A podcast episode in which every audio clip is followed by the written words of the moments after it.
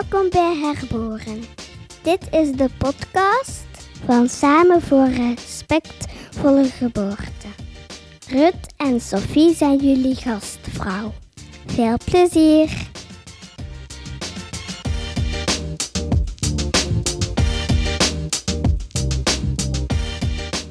Ik ben Rut Snijers. Ik ben vroedvrouw in het Leuvense Zorgcentrum naar Seksueel Geweld. En een van de oprichters ook van Samen voor Respectvolle Geboorte. Die twee schattige stemmetjes aan het begin en het einde van onze podcast, dat zijn Marie en Nelson. Dat zijn mijn kindjes. Ik ben Sophie van Kouwelaert. Ik werk als zelfstandig vroedvrouw in Gent bij Geborgen Geboorte, waar ik vooral focus op de prenatale voorbereidingen en de cursussen. En daarnaast ook oprichter van Samen voor Respectvolle Geboorte.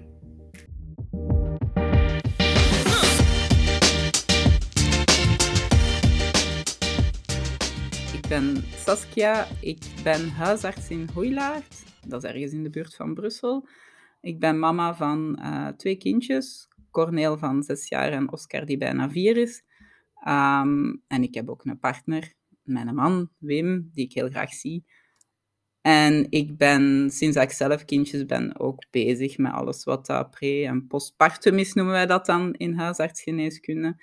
Alles wat dat voor en na de geboorte komt, dat interesseert mij. Ik heb mij daar voor mijn eigen in verdiept en ik vind het heel interessant om dat te kunnen delen met mijn patiënten. Ik heb al uh, gelezen in onze besloten Facebookgroep hoe je soms met je patiënten omgaat, met je zwangere patiënten. Um, en hetgene wat me daar altijd in opviel, is dat je met heel veel uh, respect over hem praat en met heel veel warmte, dat je dat echt wel een, een, een um, iets heel belangrijks vindt om, om hun volledig te informeren, de keuze aan hun te laten, om, om te kijken wat bij hun past. Um, wat dat uiteraard ook is wat we bij Samen voor Respectvolle Geboorte zo fijn vinden.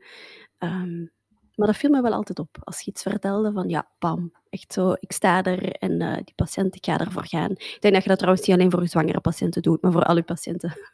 Daar niet van. Um, ja, is om te zien. Merci daarvoor. Ja, ik vind het eigenlijk als huisarts heel belangrijk dat je tijd neemt voor de mensen die tijd nodig hebben. Uh, wat dat wel soms betekent dat andere mensen even moeten wachten. Uh, omdat dat we, ja, je hebt 20 minuten per patiënt en soms is dat niet voldoende. Uh, voor heel veel redenen. Hè. Maar dus ook een zwangere patiënt of een, een, een, ja, een postpartumcontrole. En als ze voor een zevende dagsonderzoek of zo komen, ik weet dat dat langer gaat duren. Eigenlijk weten de administratief medewerkers dat ze daar dan meer tijd moeten voor inboeken, maar dat gebeurt niet altijd. Ja, ik neem die tijd dan wel.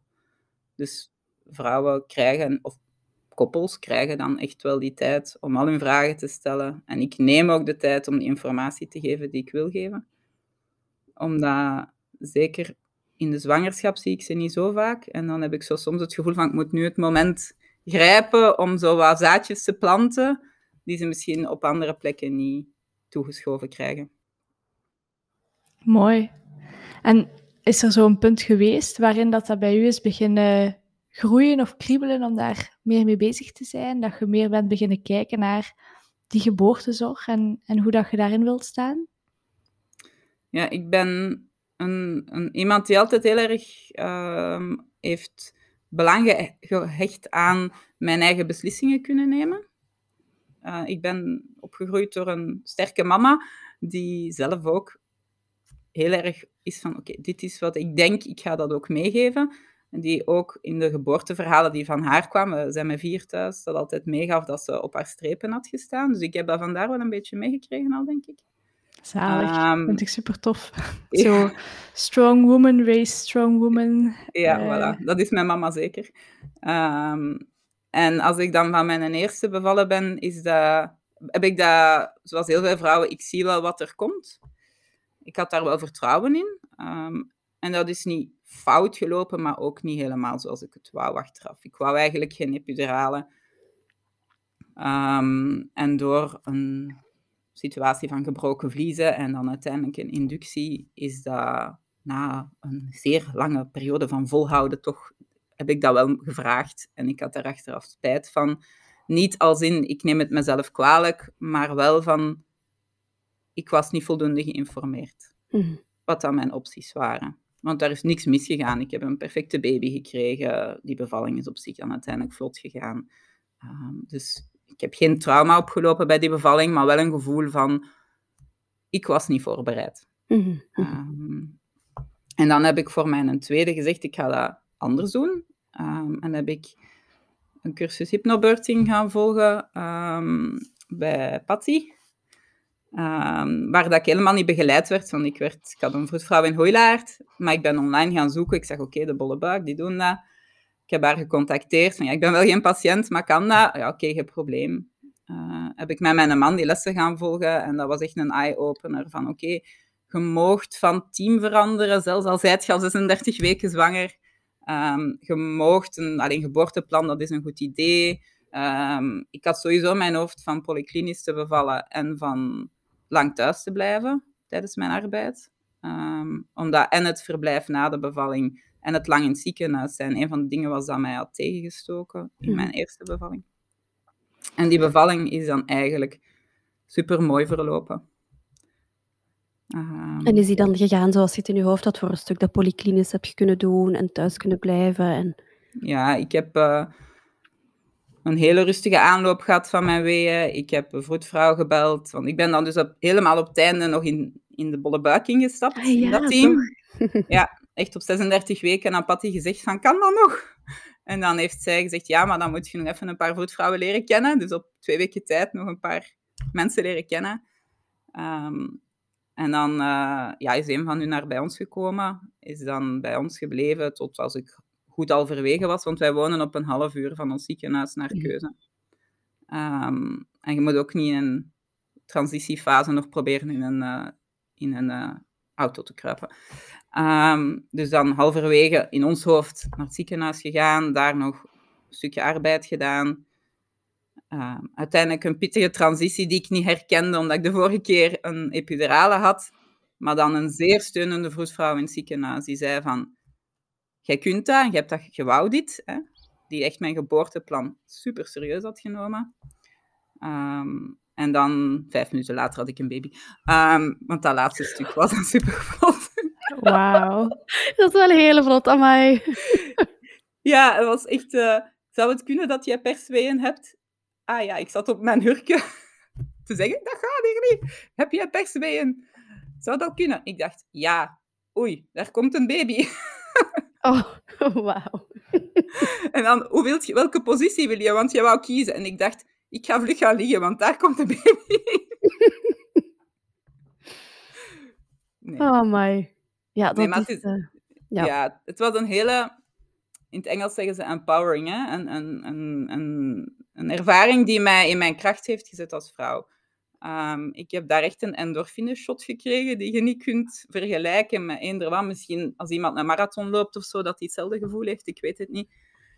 Zo dat gevoel van achteraf, van wat heb ik nu verwezenlijkt, uh, dat was immens. En dat was een enorm verschil met die eerste bevalling.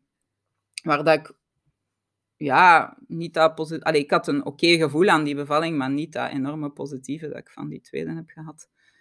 En de vroedvrouw in kwestie die mij daar begeleid heeft, dat was niet de vroedvrouw van de bolle buik, maar die van het ziekenhuis. Um, die heeft echt elke stap gevraagd of dat het oké was wat dat ze deed.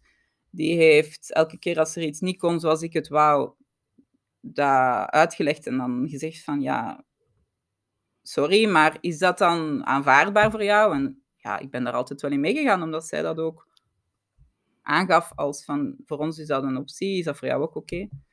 Zij heeft ook ten opzichte van de assistenten elke keer gezegd van mevrouw wil het zo. En zelfs tegen de prof die dan moest komen de baby opvangen, want meer was het niet, die dan zei, ja mevrouw, je mag dan persen, heeft zij gezegd van mevrouw wou het op haar manier doen.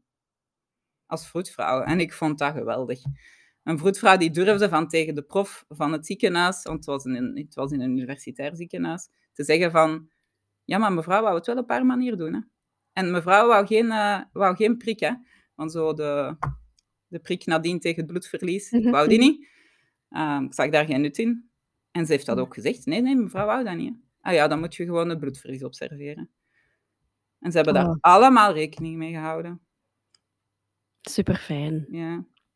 Ja, echt heel fijn. Ja, en dat heeft mij dan doen inzien van die positieve ervaring die wil ik delen. Ja. Ik, niet als in heel dat verhaal, hè. Nee, nee, nee. nee. Aan alle Maar patiënten wel- vertellen. Nee, als ze ernaar vragen, wil ik dat doen. maar, Verwijs Eh, naar deze podcast. voilà. maar het, het, ehm, de mogelijkheid om zelf beslissingen te mogen nemen, wat dat die ook zijn. Mhm. Want ik, ik ben heel duidelijk daarin naar mensen van kijk, goed, ik ben fan van een natuurlijke bevalling, als dat kan. Maar als jullie dat zo niet zien, is dat ook oké, maar dan kan je dat ook op papier zetten. Mhm. Als jij iemand zegt van mijn eerste ervaring met een bevalling was niet goed en ik wil nu echt vanaf de eerste moment die epidurale, dan heb je daar ook recht op om dat te vragen. Schrijf dat op papier, zorg dat je dat weet. Want als jij in arbeid binnenkomt, dan nemen ze je niet altijd meer even serieus. Mhm. Ehm, spijtig genoeg, hè? Ja, inderdaad.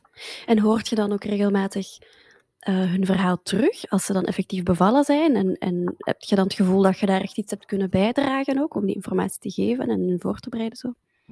Ja, bij een aantal mensen zeker wel. Hè. Ik heb een, een, een aantal collega's ook die de laatste jaren kinderen hebben gekregen, waar ik dan zo dat verhaal van... Ja, ik probeer dan die brains-methoden altijd wel Mhm. even toe te lichten. Ehm, en daar heb ik altijd wel heel veel feedback allee, van een van de collega's zeker, die dan zei tegen de volgende collega die een kindje ging krijgen van ja, je moet met je vrouw eens bij Saskia langs gaan, want die heeft echt interessante dingen te vertellen. Oh, heerlijk. Dat is wel een mega compliment. Ja, dat was echt een opsteker van, ah ja, want ik heb dan soms het gevoel dat ik aan het doordraven ben als ik zoveel informatie aan het geven ben. Dat gevoel herken ik. Ehm voilà. Eh, dus dat was wel fijn, maar ook van patiënten. En ik, ja, de mensen die, ehm, die dan terugkomen voor een zevende dagsonderzoek, dus die dan met een babytje niet bij de pediater gaan, maar bij ons komen. Ehm, ik doe dat dan heel vaak ook aan huis op huisbezoek, waardoor dat, dat voor hen aangenamer is dan naar het ziekenhuis moeten gaan of naar bij ons komen. Absoluut. Daar vraag ik ook- Ja. Ja, als dat kan, dan doe ik dat sowieso. Dat is, allee, je moet geen baby in een wachtkamer met bacteriën zetten als dat niet nodig is. Mm. Eh, en virussen vooral. En als mama word je dan zo'n beetje uit je kokonnetje getrokken, hè? Als Mhm. dat, voor dat zevende dagsonderzoek. Dus maar ik, ja, een van mijn eerste vragen is van, en hoe is het verlopen? Niet van, hoe is het met de baby? Maar, hoe is het verlopen? En dan in komt dan die baby wel van, hoe gaat het nu met jullie? En hoe gaat het met de baby? Dus ik neem daar wel ook echt veel... Ja, ik zorg altijd dat ik daar een uur voor uittrek. Ja, ja, ja, dat zult je ook wel nodig hebben. Ja. Want Als, als mensen eenmaal beginnen te vertellen, dan komt dat meestal wel vlot, hè? Ja, zeker bij een eerste kindje. Als Ja. zo mensen zijn met een tweede en een derde kindje en die, ja, dan is dat vaak al wat, Mhm. die hebben al meer nagedacht en, en die, dat gaat al wat vlotter. Wat ik heel tof vind aan uw verhaal is dat uw eerste bevalling was inderdaad niet traumatisch of was op zich, als je kijkt naar het verhaal, is alles oké verlopen en was, was alles goed. Maar ik vind het mooi dat toch ook van daaruit het beginnen kriebelen is om zo er meer mee bezig te zijn in je tweede zwangerschap en, en dat je het verschil hebt kunnen ervaren tussen gewoon oké, ça va gevoel nadien en zo dat krachtige gevoel nadien. Dat vind ik wel een mooie. Dat niet van trauma naar wauw is, maar van oké, ça va, naar ja, dit is echt nog anders en hier voel ik me echt nog sterker. Ja, ik, had een, ik denk dat ik een gevoel had van een, een gemis, een beetje een verlies aan die eerste zwangerschap, allee, bevalling, ehm, zwangerschap zeker niet, Ehm, van het had ook anders gekunnen.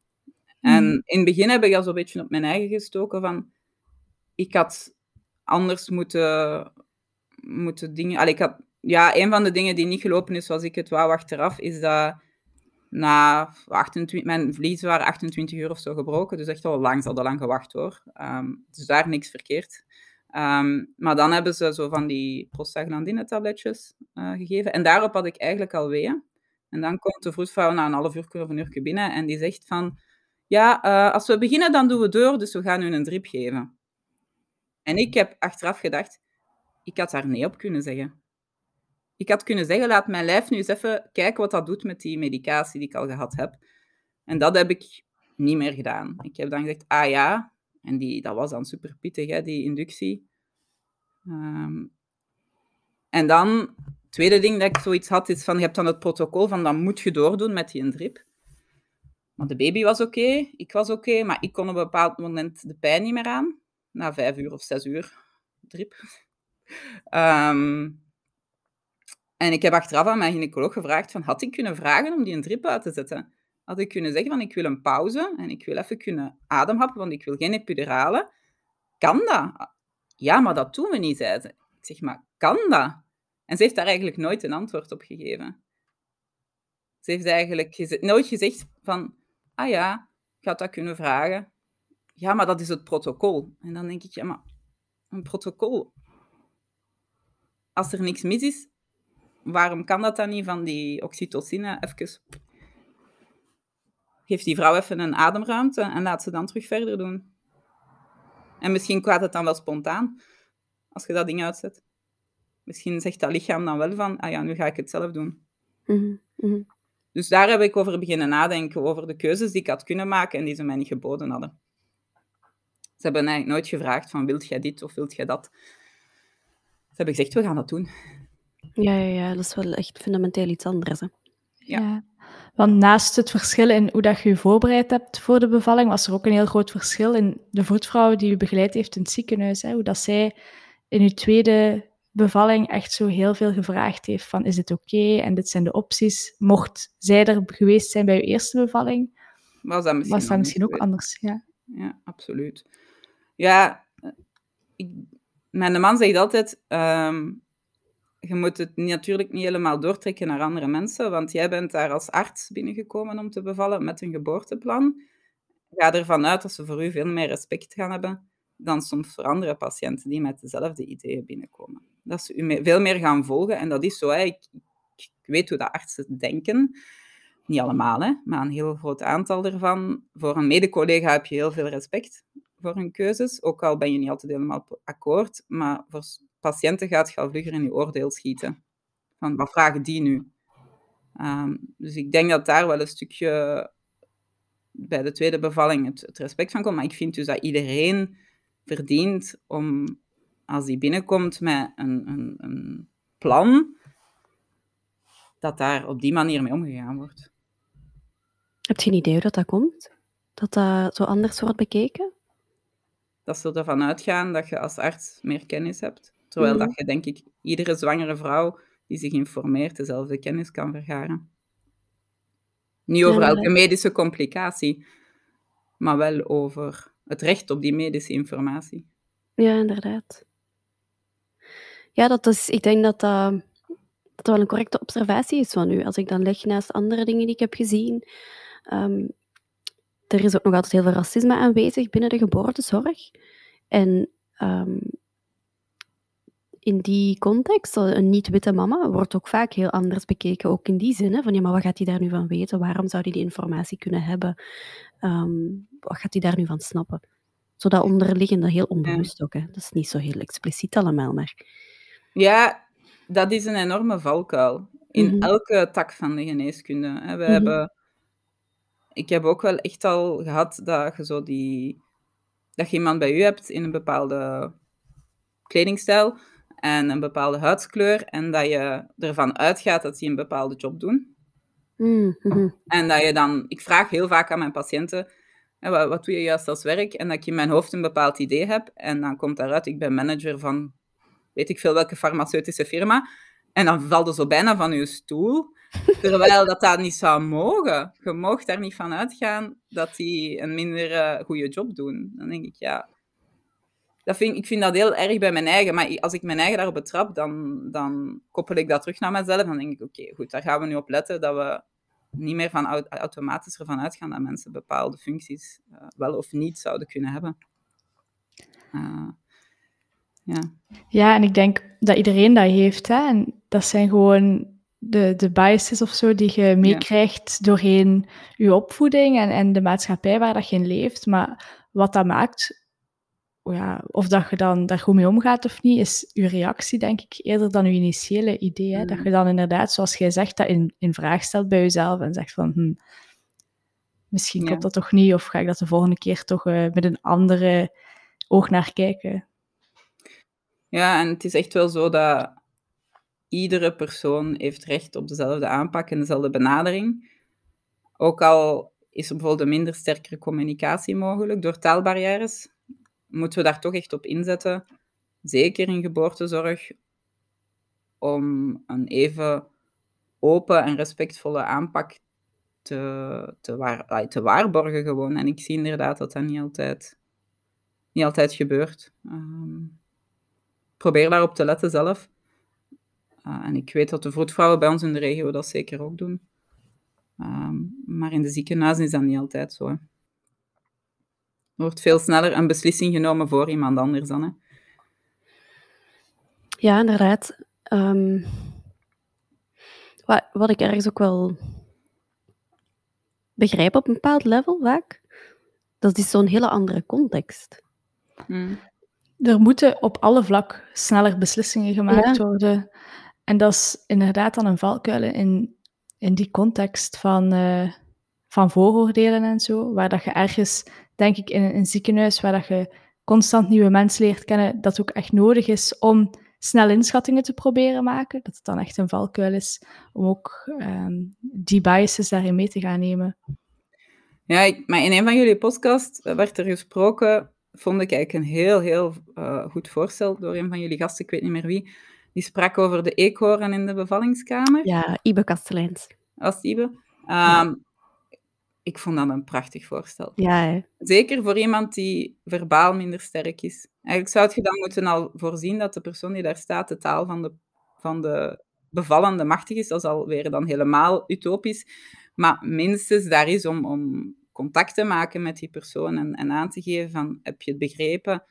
Uh, hoe gaat het met jou? Dat inderdaad, ja, je hebt geen tijd om taalbarrières te overwinnen als er medische urgenties zijn, maar er is wel iemand nodig die dat dan wel probeert te... Ja, een beetje gelijk co-regulatie met je kindjes. Hè? Dat je gaat reguleren en co-reguleren met de persoon die aan het bevallen is, dan zijn de dingen die gebeuren al minder zwaar achteraf. Hè? Ja, dus zeker. als dat zou kunnen voor, zeker al voor de populatie van mensen die, het, die minder sterk zijn en die minder sterk in hun schoenen staan, dat zou prachtig zijn. Hè? Als ze daar al mee beginnen. Ja, dat is een hele mooie aanvulling inderdaad op het eekhoornverhaal. Dat de eekhoorn ook dan co-reguleert en uh, taalbarrières gaat overbruggen. Ja, en dat is, allez, in mijn hoofd was dat zoiets van, dat zou kunnen een proefproject zijn. Hè, dat ze zeggen, oké, we kunnen dat niet voor elke bevallende vrouw voorzien, want dat zijn er veel in sommige ziekenhuizen. Maar kunnen we dat al voorzien voor de mensen voor wie het echt moeilijk is? Dat die, dat die al minstens extra ondersteuning hebben. Ehm, en dat is denk ik zowel voor de mensen die de bevalling aan het begeleiden zijn, want het is de vrouw die aan het bevallen is, de anderen begeleiden dat, ehm, makkelijker dan voor de persoon die aan het bevallen is zelf ook, denk ik. Ehm. Oh, dat vind ik een tof woord, proefproject. Hmm. Ja, en ik koppel dat ook terug naar, naar het voorstel van Noemi in de eerste uh, aflevering van onze podcast. Zij zei, eigenlijk moet je zorgen dat de geboortezorg goed is voor de mensen die het zwakst zijn, in die zin van uh, bijvoorbeeld de taal niet machtig zijn, eh, sociaal-economisch niet sterk staan, uh, niet goed voorbereid zijn op de bevalling en, en van alle andere issues die zij meebrengen. Voor hun moet je in de eerste plaats zorgen dat die geboortezorg respectvol is. En dan zijpelt dat veel gemakkelijker door naar de mensen die het beter hebben dan in de andere richting. Want wat dat je nu ziet, is dat mensen die eigenlijk al redelijk sterk in hun schoenen staan, dat kunnen ondersteunen door dan bijvoorbeeld een doula mee te nemen naar de geboorte of een eigen vroedvrouw. Wat dat fantastisch is en dat mag en dat is super, maar eigenlijk is het heel mooi inderdaad om te zeggen, laten we nu beginnen met de mensen die het meeste barrières ondervinden. Ja. En dan vind ik het ook heel fijn om dat terug te koppelen naar waar dat professor Binu Singh heel erg mee bezig is. Die is eerste duizend dagen, hè, zelfs tijdens uw, uw zwangerschap al, de impact die dat heeft. Als je daar de zwakkeren inderdaad kan ondersteunen in de periode van de zwangerschap op een, een meer menselijke manier, die een betere bevalling kan laten meemaken, of een meer gesteunde bevalling kan laten meemaken, en dat postpartum dan ook beter kan begeleiden, ja, dan zie, ga je denk ik op lange termijn ook een impact hebben op de algemene gezondheidszorg. En de, hoe dat mensen in het leven gaan staan. Maar ja, utopia is ver, maar je kunt er maar van dromen.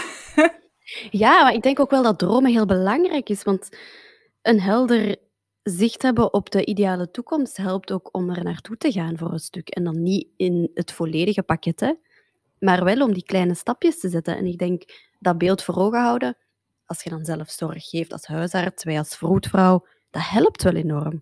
Dat doet u andere keuzes maken in de zorg die je geeft. Onbewust, denk ik, maar dat, dat, dat geeft wel ja, richting, focus.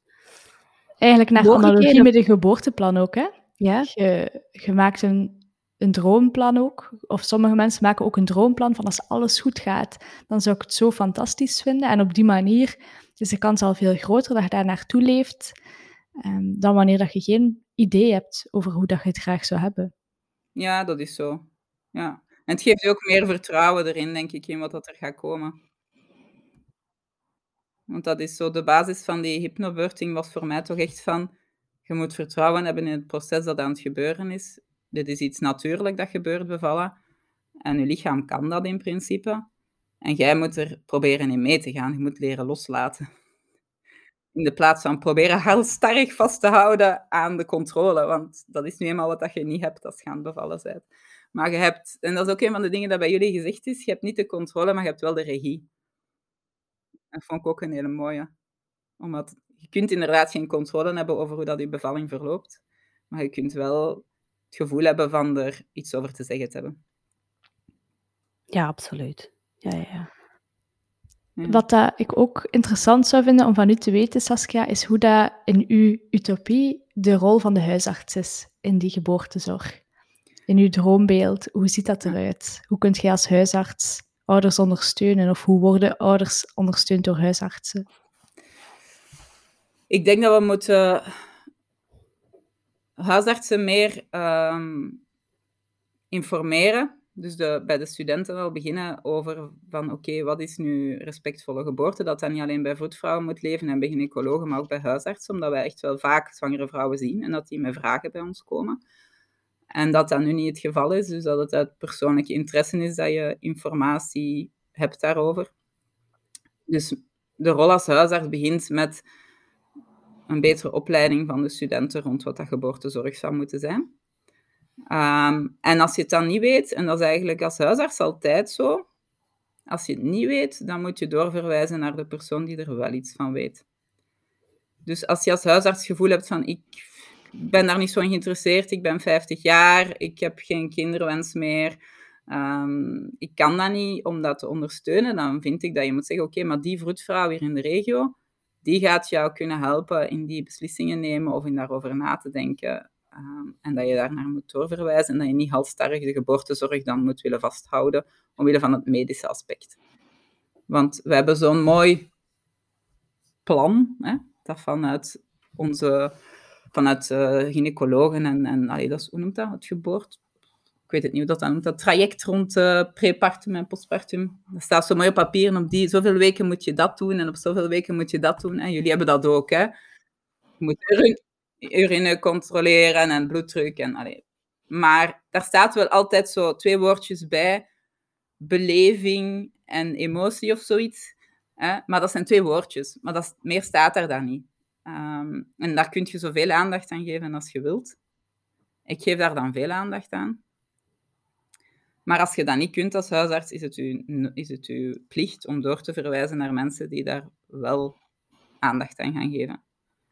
Ehm, dus ik verwijs eigenlijk heel actief mijn zwangere vrouwen door, als ze juist bij mij geweest zijn, naar de vroedvrouwenpraktijk in de buurt. Omdat die meer tijd en ruimte hebben om die begeleiding op zich te nemen. En ik geef altijd mee van, kijk, ik ken daar iets van. Ik ben geïnformeerd. Um, ik ken ook iets van borstvoeding. Als er iets is, je bent bij mij welkom. Ik zie je eigenlijk graag nog één keer terug, minstens in je zwangerschap, om eens af te toetsen hoe het met jou gaat. Um, maar ik ben geen hoofdrolspeler in jouw zwangerschap. Want een zwangerschap is iets niet medisch, in mijn ogen. Je bent niet ziek als zwangere vrouw. Um, en ik vind dus ook dat die zorg past bij vroedvrouwen en daarom niet zo stel bij ons. Maar ik kan mijn rol daar wel in spelen. Ja. Dus ik spreek dan tegen mijn eigen winkel, want ik heb daar inderdaad veel over te vertellen, maar ik weet ook dat onze vroedvrouwen dat heel goed doen. En ik stel mij open, ik weet dat ze, ze weten dat ze mogen komen, ze weten dat ik er iets over te zeggen heb. En als ik ze in de zwangerschap terugzie, dan ga ik, zie, dan ga ik daar altijd wel tijd aan besteden om eens te horen van, wat zijn uw plannen nu? Want je kunt niet aan iemand die zes weken zwanger is heel je informatie dumpen. Nee, nee. Daar eh, zijn nog weinig kapstokjes voor om dat te Nee, nee, nee. onthouden. Voilà, dat. Inderdaad, dat gaat een beetje gelijk water op een eend. Het glijdt Ja. eraf. Dus ik denk dat onze, als ik kort moet zeggen, onze rol is eigenlijk geïnformeerd zijn, de juiste informatie kunnen geven, hier en daar een zaadje planten als we kunnen, en doorverwijzen naar de juiste mensen binnen de geboortezorg, waar dat wij vertrouwen in hebben. Ehm, en dan natuurlijk zorgen dat je de medische kennis hebt, dat is, pre- dat is onlosmakend belangrijk. Ehm, en dan eventueel ook wel probeer ik de aandacht te leggen op het feit dat wij dat zevende dagsonderzoek ook doen en dat ik daarvoor ook beschikbaar ben. Ehm, nu, de vroedvrouwen in de buurt verwijzen ook wel bij gevolg heel gemakkelijk terug naar mij. Ja, natuurlijk. Die Ja, gaan ja, dan- want als vroedvrouwen kunnen we ook niet alles alleen, hè? Uiteraard niet. Nee. Dus als er iets is, ehm, medisch dat moet, of ze zijn niet beschikbaar, dan zeg ik, oké, ga maar bij Saskia. Die gaat u wel verder helpen, dan zie ik ze wel terug. Ja, inderdaad. Ik eh, regelmatig, eh, als mama's dat zijn van hun bekken bijvoorbeeld, dan eh, stuur ik ze ook eens langs de huisarts. Al is maar voor een voorschrift voor kine, bijvoorbeeld. Voilà. Ehm, nu, ik ga, dingen hebben. Ik ga gewoon, ik ga als huisarts elke gelegenheid bij een zwangere vrouw aangrijpen van, oké, hoe sta jij nu? Hoe staat het nu met je, beval, allee, met je zwangerschap? Hoe denk je over je bevalling? Ehm, hoe is dat vorige keer verlopen als, die, als een kindje heeft gehad? Wat ga je doen met voeding? Eh, denk je aan borstvoeding of kunstvoeding? Heb je daar nog informatie over nodig? Ehm, als ik dan merk dat er nog geen vroedvrouw in het spel is, dat ze alles in het ziekenhuis doen, probeer ik hun uit te leggen waarom het dan nuttig is. Ehm, en zo verder. Dus op die manier probeer ik mijn steentje bij te dragen, zonder mij op te dringen, want ik denk dus dat wij als huisarts niet altijd even noodzakelijk zijn in een geboorte, alleen een zwangerschap. En hoe wordt daarover gedacht onder collega's? Om, ik heb daar geen idee van. Nee, ik ook niet. En ook, ik, dat wou ik ook vragen, en ik moest tegelijkertijd ook denken aan... ehm, er worden vaak zo eh, zorgpaden uitgetekend, Mm. regionaal, die dan een samenspel zijn tussen vroedvrouwen, gynaecologen en huisartsen. Maar in die standaard zorgpaden zien zwangeren toch wel vaak twee, drie, vier keer hun huisarts. Voor bijvoorbeeld een suikertest, voor bepaalde vaccinaties, zo die momentjes.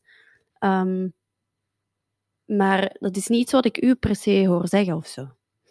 Die zorgpaden zijn er en we laten, ik laat de mensen er altijd heel vrij in kiezen. Dus ik Mhm. zeg van, kijk, je hebt de keuze tussen alles in het ziekenhuis, afwisseling huisarts ziekenhuis, afwisseling vroedvrouw ziekenhuis of afwisseling huisarts vroedvrouw ziekenhuis. Want dat zijn uiteindelijk de vier opties die er zijn. En dan zeg ik, kijk, het is aan jullie om te kijken waar dat je goed bij voelt. Ehm, ik sta daarvoor open, je bent bij ons welkom. Je moogt ook alles bij de vroedvrouw doen en dan de echo's in het ziekenhuis. Ehm, maar wij zijn er voor jou. Dus ik begin eigenlijk al daar met te zeggen van de keuze, dit zijn de opties en de keuze ligt bij jullie. Uh, en ik leg dan ook uit van dat voor mij een zwangerschap een, iets niet medisch is, zolang er niks misgaat. Um, dus dan een arts daarom niet altijd even noodzakelijk is.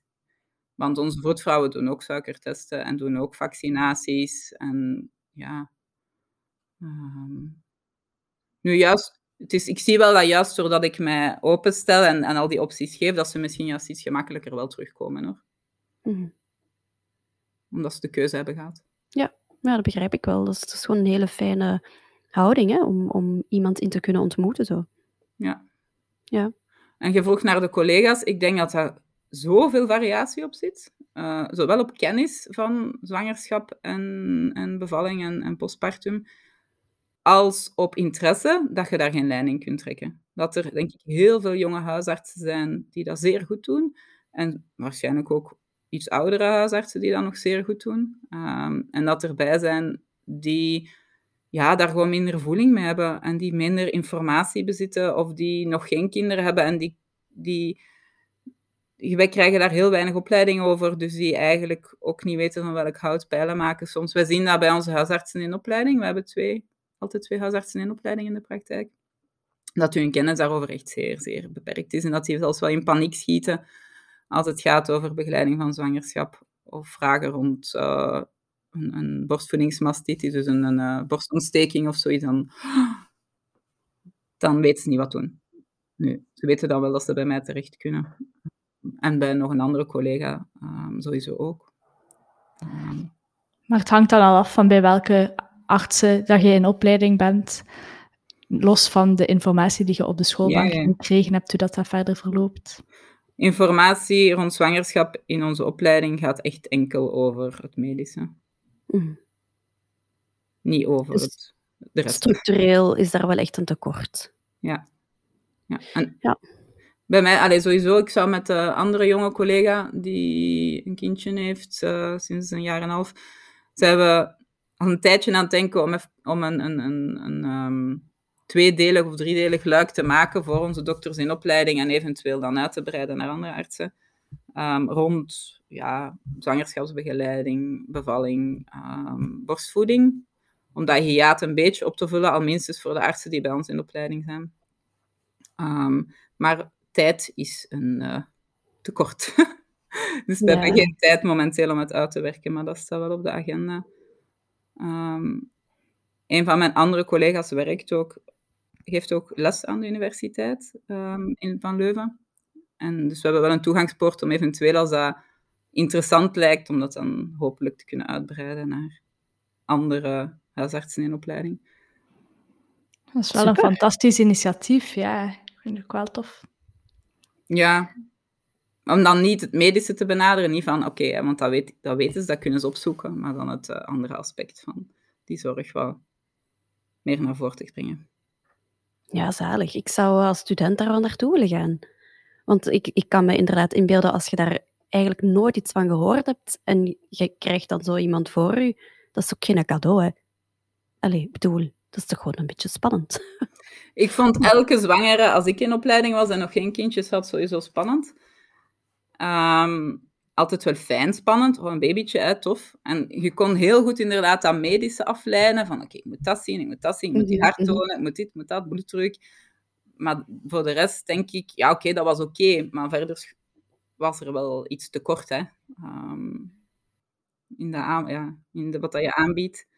Um, en ben je niet alleen zwangerschapsmisselijkheid aan het behandelen, maar ook de persoon die voor u zit, zit aan het horen. Hè. Mm -hmm. Alright, ik ben benieuwd hoe het verder gaat. Ja, je hebt al een paar, paar dingen geopperd, um, zoals inderdaad uh, die opleiding voor, voor artsen, uh, maar ook uh, uw proefproject voor kwetsbare zwangeren. denk ik, hmm, als daar ooit allemaal iets van komt. Ja, dat zal niet voor mij zijn. Hè. dat of dat we iemand weten te porren om daarmee aan de slag te gaan. Ah, niet genoeg. Niet genoeg linken met de ziekenhuizen, want dat is iets voor de ziekenhuizen. Dus ik hoop dat dat daar iemand ooit eens iets mee doet in de mm. ziekenhuizen. Uh, of vanuit een, een doctoraat of zo, kan ik mij ook wel inbeelden dat dat kan werken. Dat die zeggen van, ik ga daar eens iets rond doen. Ja. Bij deze planten we dat zaadje. Hè? Beste luisteraars, hebben jullie het goed gehoord? Misschien ergens een, uh, een vroedvrouw die zegt van, ik ga, die in een ziekenhuis werkt, van, ik ga daar eens iets rond ondernemen. Um, ja, dan moet er nog een beetje aan die hiërarchie ook gewerkt worden, in mijn mm. ogen. Daar hebben jullie het ook al over gehad. Hè? Ja, sowieso. Inderdaad. Ja, ja, ja. Maar aan de andere kant vond ik uw voorbeeld wel van uw tweede bevalling, als het dan gaat over die hiërarchie, die vroedvrouw die daar gewoon zei hoe en wat. Het is ja. niet omdat er een hiërarchie is dat we het ook moeten aanvaarden, natuurlijk. Hè. En uh, ik denk dat we in die end op heel moedige momenten ook wel gewoon kunnen zeggen van, ah nee, we gaan het gewoon zo doen. Ja, ja, dat is waar. Ik heb toen uiteindelijk nog... Want ik, je kunt dan zo... Als dokter kun je operatieverslag zien. Ah, een bevalling, ja. daar maken ze een operatieverslag van. Um, zeer foute benaming, vind ik. Maar, oh. mm -hmm. Dus omdat mhm. dat dus blijkbaar iets zeer technisch is, er is niet echt veel technisch gebeurd. Um, en dan kun je zien wie dat daarbij aanwezig was. Dus ik wist eigenlijk niet meer hoe dat die vroedvrouw noemde, maar door het verslag in mijn dossier te zien, kon ik dan wel zien dat daar, uh, wie dat die vroedvrouw was. Dus ik heb dan een, uh, uiteindelijk een briefje geschreven naar haar, um, een aantal maanden nadien. En als ik dan toch in het ziekenhuis moest zijn voor iets anders, heb ik dat gaan afgeven aan het verloskwartier. In de hoop dat dat bij haar terecht is gekomen, ik weet het niet. Maar om, haar, te, om haar te bedanken voor de, voor de aanpak en dat ik daar echt uh, heel veel van aan gehad had. Omdat ik dacht van ja, als ze dat krijgt en ze misschien getriggerd om, ah, in haar kracht gezet om dat voor andere patiënten ook zeker, die andere vrouwen die aan bevallen zijn, uh, mm -hmm. ook te herhalen. Uh, misschien doet ze dat al altijd, hè, maar het kan maar helpen om haar aan te geven van dat is belangrijk. Mm -hmm, dat is kei mooi. Um, daarbij aansluitend, wij hebben van die kaartjes op onze website. Bedankt voor de respectvolle zorg, hebben we ooit een keer uh, laten ontwerpen. Met dat doel, dat als je een mooi kaartje zoekt om iemand te bedanken in je omgeving, dat dat op die manier altijd kan. Um, bij deze luisteraars, ja. ga een keer kijken. En ook exact met de insteek die jij hier vertelt, van ja. door te zeggen van ja, dat was heel belangrijk, dat het dan hopelijk ook bekrachtigd wordt bij die zorgverleners om daar zeker op te blijven inzetten. Ja. ja, ik probeer nu ook mijn respectvolle zorg door te trekken meer en meer naar alles wat ik doe. Um, omdat jullie podcast onder andere van, een, van de mevrouw die een voorgeschiedenis had van seksueel geweld, mm-hmm. die gaf aan dat eigenlijk alles wat dat te maken had met haar lichaam al grensoverschrijdend was. En dus nu vraag ik eigenlijk veel meer toestemming aan mensen voor dingen te doen. Terwijl vroeger, ik ga even naar uw longen luisteren en dan ging die stethoscoop in hun blouse en dan werd er geluisterd. Besef ik van, misschien dat dat niet voor iedereen even oké is. Dus ik zeg nu wel heel vaak, is het oké als ik even naar uw longen luister? In de plaats van, ik ga naar uw longen luisteren. Um, er is nog niemand die nee gezegd heeft, maar ik denk wel dat dat anders overkomt. Um, of ik vraag echt van, is het oké okay voor jou als, we, als, je dat, als je die kledingstukken even uitdoet? Want ik zou dat of dat moeten doen. En dat gaat moeilijk als je dat aan hebt. In de plaats van, je mag je uitkleden. Ja, ja, inderdaad. Ja. Dus ik vind dat een hele andere aanpak. Maar ik zie dat mensen daar wel wat van verschieten soms. Ja, dat mensen verwachten dat ook niet, hè? Ja. Nee. Nee, ze verwachten dat niet. Maar ze... Ik denk, denk dat eerder... Het is verschieten, maar ook zo aangenaam verrast eerder dat, denk ik, dan. Zeg, wat zeg jij nu? Ja, en ik merk dat zelfs bij kleinere kinderen dat dat soms rust brengt. Dus als je aan een kind zegt van, mag ik even naar jouw keel kijken, dat dat anders is dan, ik ga even in je mond kijken. Dat is een opdracht, dat is een, een, een uh, ja, een order. En kinderen, die hebben dat niet graag. En als je zegt van, ik zou even in jouw keel moeten kijken, want ik, ja, is het oké, okay, want ik wil kijken wat je een keelontsteking hebt of, of dat die rood is, of, dan gaat dat eigenlijk vaak veel makkelijker. En ik vraag zelfs nu aan kinderen toestemming om in hun pamper te kijken. Of ik zeg minstens dat ik het ga doen. ik denk dat mama soms echt denken, rare dokter. ja, of net niet. Die zoiets hebben van eindelijk iemand die mijn kind behandelt als een mens. Ja. Ja, want ik weet ook wel veel ouders die er zo wat tegenop kijken, omdat ze weten dat hun kinderen dat dan niet fijn gaan vinden, of dat ze daar dan zelf zenuwachtig voor zijn. En dus ik denk dat veel ouders ook wel zullen appreciëren. En dat sommigen misschien ook geïnspireerd zijn. Dus, uh... Ja, een dokterskabinet is sowieso een plek waar dat grenzen overschreden worden. Hè? Iedereen heeft bepaalde grenzen. En zijn lichaamsgrens is een hele belangrijk. Allee, iemand zijn lichaamsgrens is heel belangrijk. Vanaf eigenlijk dat je weet dat je een individu bent. Hè? Vanaf dat je niet meer eenvalt met mama of papa, zijn grenzen en, en onafhankelijkheid en zelfbeschikking echt een, een basisbehoefte. En ik denk als we daarin als huisarts, dat gaat nu verder dan bevalling en geboorte, maar als je daarin rekening kunt houden met die behoeften, dan vanaf heel klein al, dan gaan mensen met een beter gevoel weg bij de dokter. Ehm, want er is rekening gehouden met mijn grens. Ja. En dat, dat gaat verder dan zwangerschap en bevallingen, maar dat gaat ook preventief, vind ik. omdat de kinderen die daar dan zijn, al van jongs af aan meekrijgen dat hun grenzen belangrijk zijn. En dat dat ook, als zij dan later zwanger zijn en gaan bevallen, dat dat ook een positieve impact kan hebben op ik mag hier mijn grenzen aangeven en ik kan hier mijn vragen stellen. Als je dat Mhm. al meekrijgt als kind, dat, dat je dat mag doen en dat dat belangrijk is. Ja, inderdaad. Ja. Dus ja, ik, ik eh, heb van jullie al een paar dingen geleerd weer. En ik probeer zo altijd overal dingen op te pikken. Ehm, ik Ja, denk, super, merci.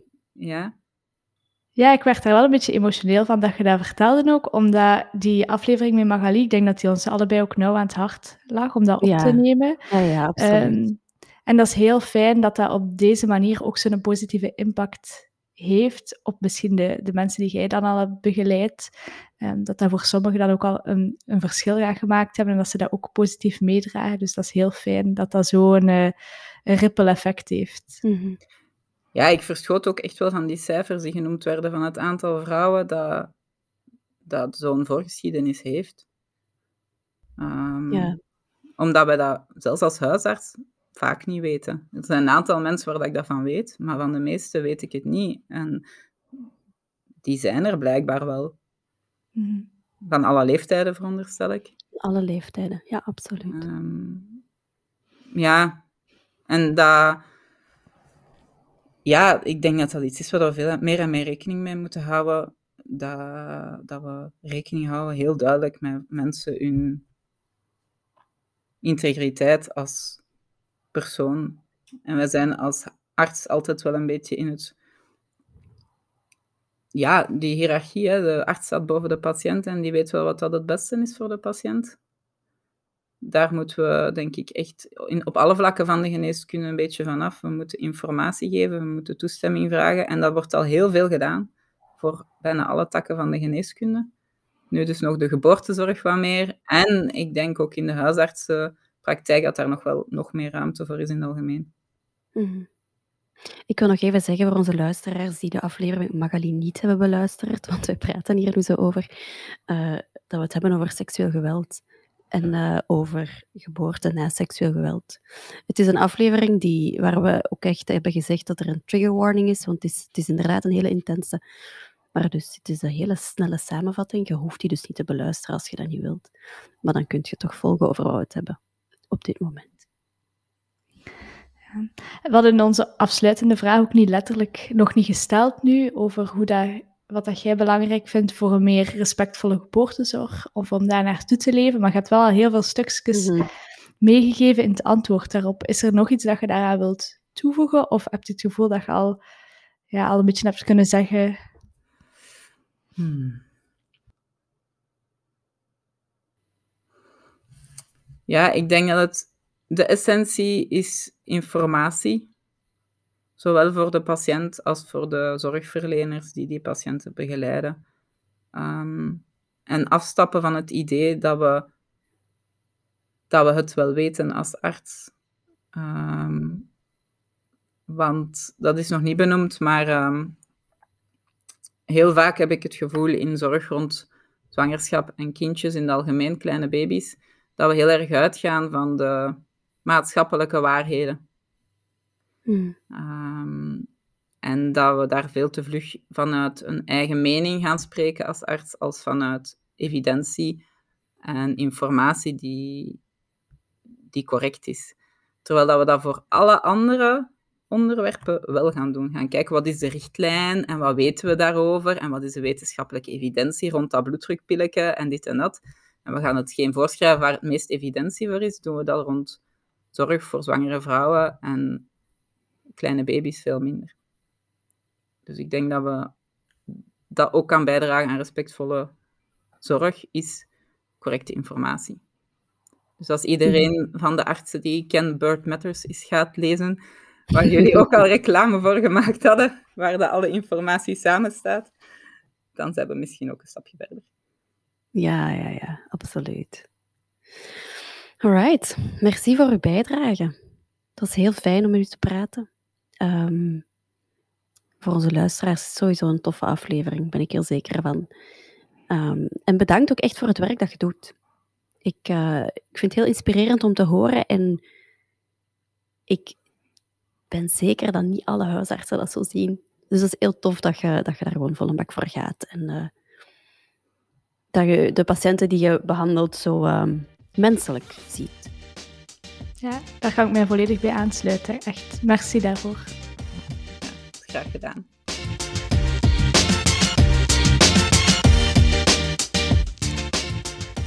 De aflevering zit er weer op. We kijken er naar uit om van jullie te horen. Je kan ons ook ondersteunen door een review achter te laten of door een centje te storten op onderstaand rekeningnummer.